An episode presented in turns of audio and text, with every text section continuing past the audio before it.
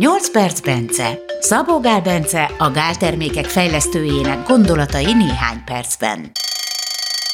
Vagy kicsit hosszabban.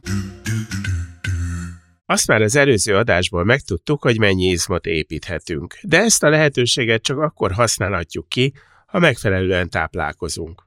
Bence elmondja, hogy mennyi fehérjére, szénhidrátra és zsírra van szükségünk az egészséges izomfejlődéshez. Kalóriadeficitben az izom nem tud fejlődni. Az ember tud. Az izomnak nem lehet kalória hiánya, deficite. De ha valakin van fölösleg, tehát mondjuk valakinek mondjuk 15 vagy 20 százalék a testzsír százaléka, de valószínűleg még a 10 százaléknál is, akkor a saját testzsír százalékából tudja pótolni a kalóriadeficitet, tehát az izomzatnak nem lesz. De az esetemben, akinek körülbelül 6-8 körül lehet a testzsír százalékom, tehát rendkívül alacsony, ebből már nem tud a szervezet elvenni többet, mert az már életveszélyes lenne. Emiatt az én esetemben nincsen. Én csak kalória többletben, vagy kalória egyensúlyban tudok fejlődni. Hogyha nem tud mit használni, te meg nem viszel be hát az izmot kalóriát, akkor mit csinál? És edzel. Visszabontja oh. az izmot. Edzel és közben bontja az izmot. Hát valahonnan Azt kell az az energia. Közben is, meg utána is. Teszem azt mondjuk egy példát, hogyha valaki edzi a bicepszét, 6 testzsír százalékkal, akkor nőni fog a bicepsze, csak csökkenni fog mondjuk a combizma, a mellizma, a vállizma, tehát onnan lebontja az izmot, hogy az aminosav Kell az, az menjen a bicepszébe. Akin van fölösleg, és nincs sok izom, róluk lehet a legjobb ilyen volt, ilyen lett képeket igen, csinálni. Igen, igen. Az a leglátványosabb. Uh-huh. Természetesen, ha nincsen elég fehérje, akkor hiába van elég kalória, nem lesz fejlődés, vagy ha valakin van fölösleg, akkor kalóriadeficitben is persze csak akkor fog tudni fejlődni, ha van elég fehérje. Mert különben az izmát ugyanúgy le kell, hogy bontsa, hogy a aminosavakat az új izom építésére. Tehát végülis mi, mi a lényege a táplálkozásnak? Ha valaki nagyon alacsony a testzsír százaléka, akkor kalória többlet kell, vagy kalória egyensúly. Ha valakinek magas a testzsír százaléka, vagy nem alacsony, akkor nem kell kalória mhm. többlet.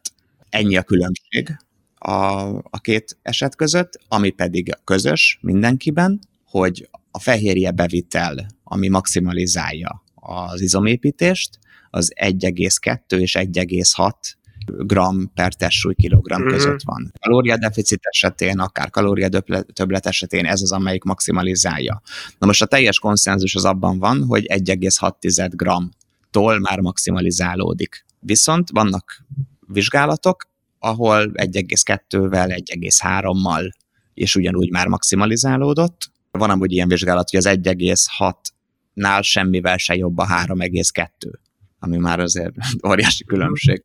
Illetve van jó ok azt gondolni, hogy idővel a szervezetben a, a fehérje, a nitrogén egyensúly az beáll, tehát az a, a, a fehérje szintézis mondhatni, az, az egyre alacsonyabb fehérje bevitelen beáll. Tehát, hogyha valaki sok fehérjét fogyasztott régóta, és ahhoz van szokva a szervezete, akkor, akkor 1,6 g az fog kelleni eleinte, és akkor szép lassan már 1,2-n is be fog állni, valószínű.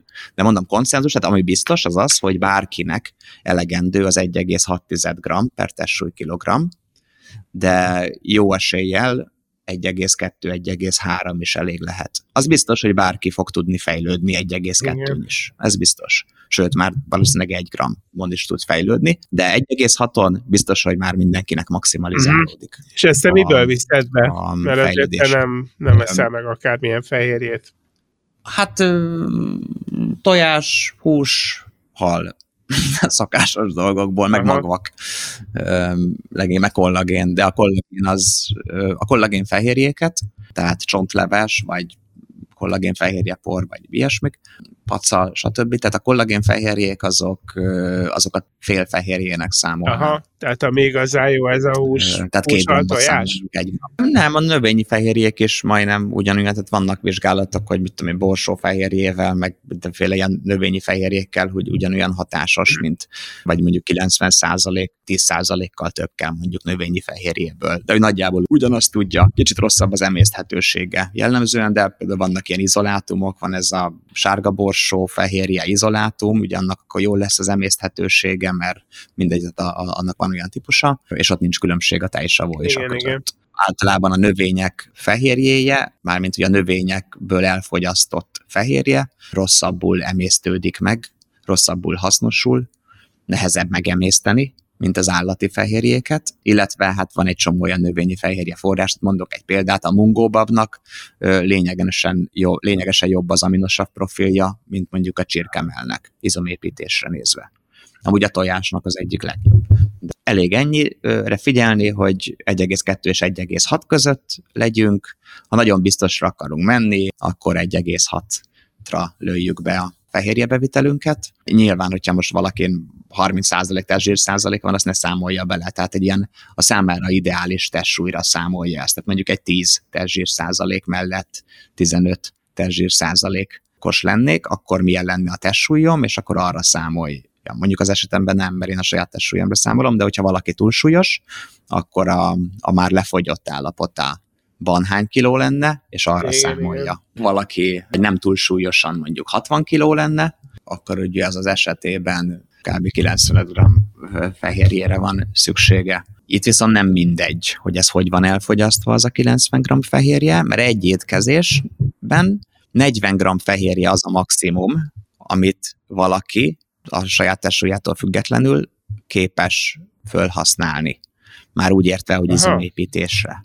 Tehát 40 g fölött, egy étkezésre a 40 g fölött teszik valaki, az már nem lesz nagyobb izomépítő hatású, és a 40 g is csak akkor, hogyha előtte egy teljes testes, nagyon kimerítő edzést végzett. Vagy nem evett már nagyon régen, több mint 8 órája. Tehát ebben az esetben van csak értelme ilyen sok fehérjét enni, hogy 40 g-ig elmenni, és a 40 g az nem lesz dupla olyan izomépítő hatású, mint a 20 g, csak mondjuk plusz 20 százalékkal.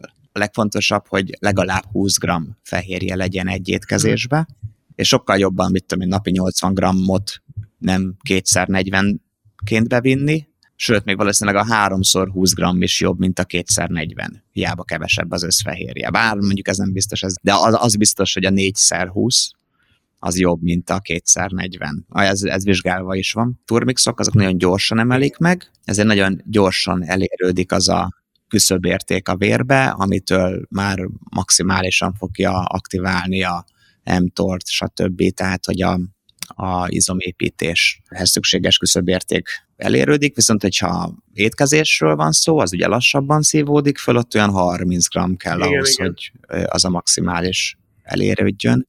Tehát én alapvetően ezt tanácsolnám, hogy egy étkezés az ilyen 25-30, max 35 g fehérjét tartalmazzon, és csak akkor, ha valaki ilyen brutális teljes testedzést csinált, akkor ö, gondolkozzon csak ilyen 40 g-ba, ö, illetve akkor, ha nagyon kevés eszik egy nap, de ha izomépítés a cél, akkor érdemes minél többször enni egy nap.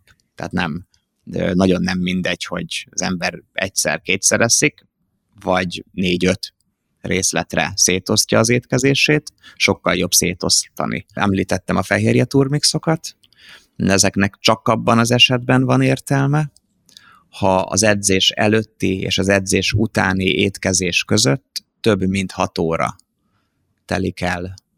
Ha kevesebb, mint 6 óra telik el, akkor semmi értelme nincsen. Tehát, hogy az edzés előtti meg utáni étkezés is tartalmazott elég kalóriát és fehérjét, tehát, hogy a napi kalóriának a, a egy étkezésre első részét tartalmazták, és fehérjéből is tartalmazták ezt a minimum 20, de inkább 30 grammot, és nem telt el közöttük több mint 6 óra, akkor nincsen értelme a fehérje turmixnak. Fehérje turmixnak akkor van értelme, ha az ember máshogy nem tud elég fehérjét bevinni, vagy akkor, hogyha több mint 6 óra telik el az edzés előtti utáni étkezés között, vagy akkor, hogyha vagy az előtte, vagy az utána lévő étkezés az nem tartalmazott elég fehérjét. Volt szó a kalóriáról, volt szó a fehérjéről, nem volt szó a szénhidrátról és a zsírról, ugye.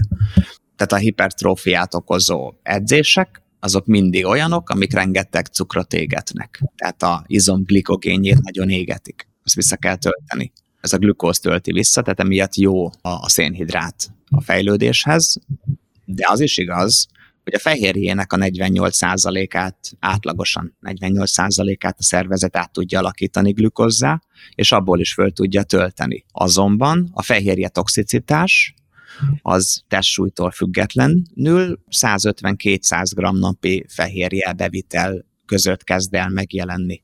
Ugye elkezd a karbamid meg az ammónia halmozódni. Tehát egy, egy ideig a fehérje fokozza a vesének a kiválasztását, 150-200 g között érődik el az a limit, amikor már nem tudja fölvenni az uh-huh. ütemet a vese, és akkor elkezd ez a karbamid ammónia toxicitás létrejönni, ami nagyon káros.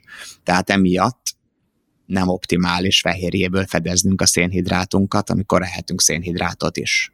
Ketogén diétán is lehet szépen fejlődni, egy picit lassabban, de lehet, viszont lehet, hogy annyira sok fehérje kell úgy, hogy az el fogja érni a toxikus szintet tehát hogy az úgy már káros lesz. Ugye 150-200 gram, úgyhogy csak a 48%-a alakul át.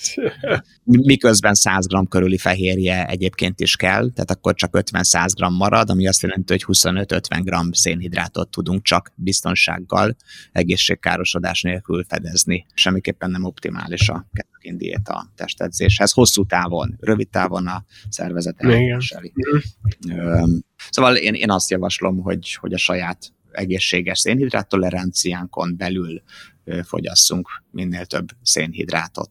A zsír az meg egyszerűen csak a maradék. Tehát, hogyha kalória deficit a célunk, akkor együnk minél kevesebb zsírt, ha kalória többlet a célunk, akkor együnk minél több zsírt. Tudjuk az alapokat, tudjuk, hogy mit kell ennünk. A következő adásban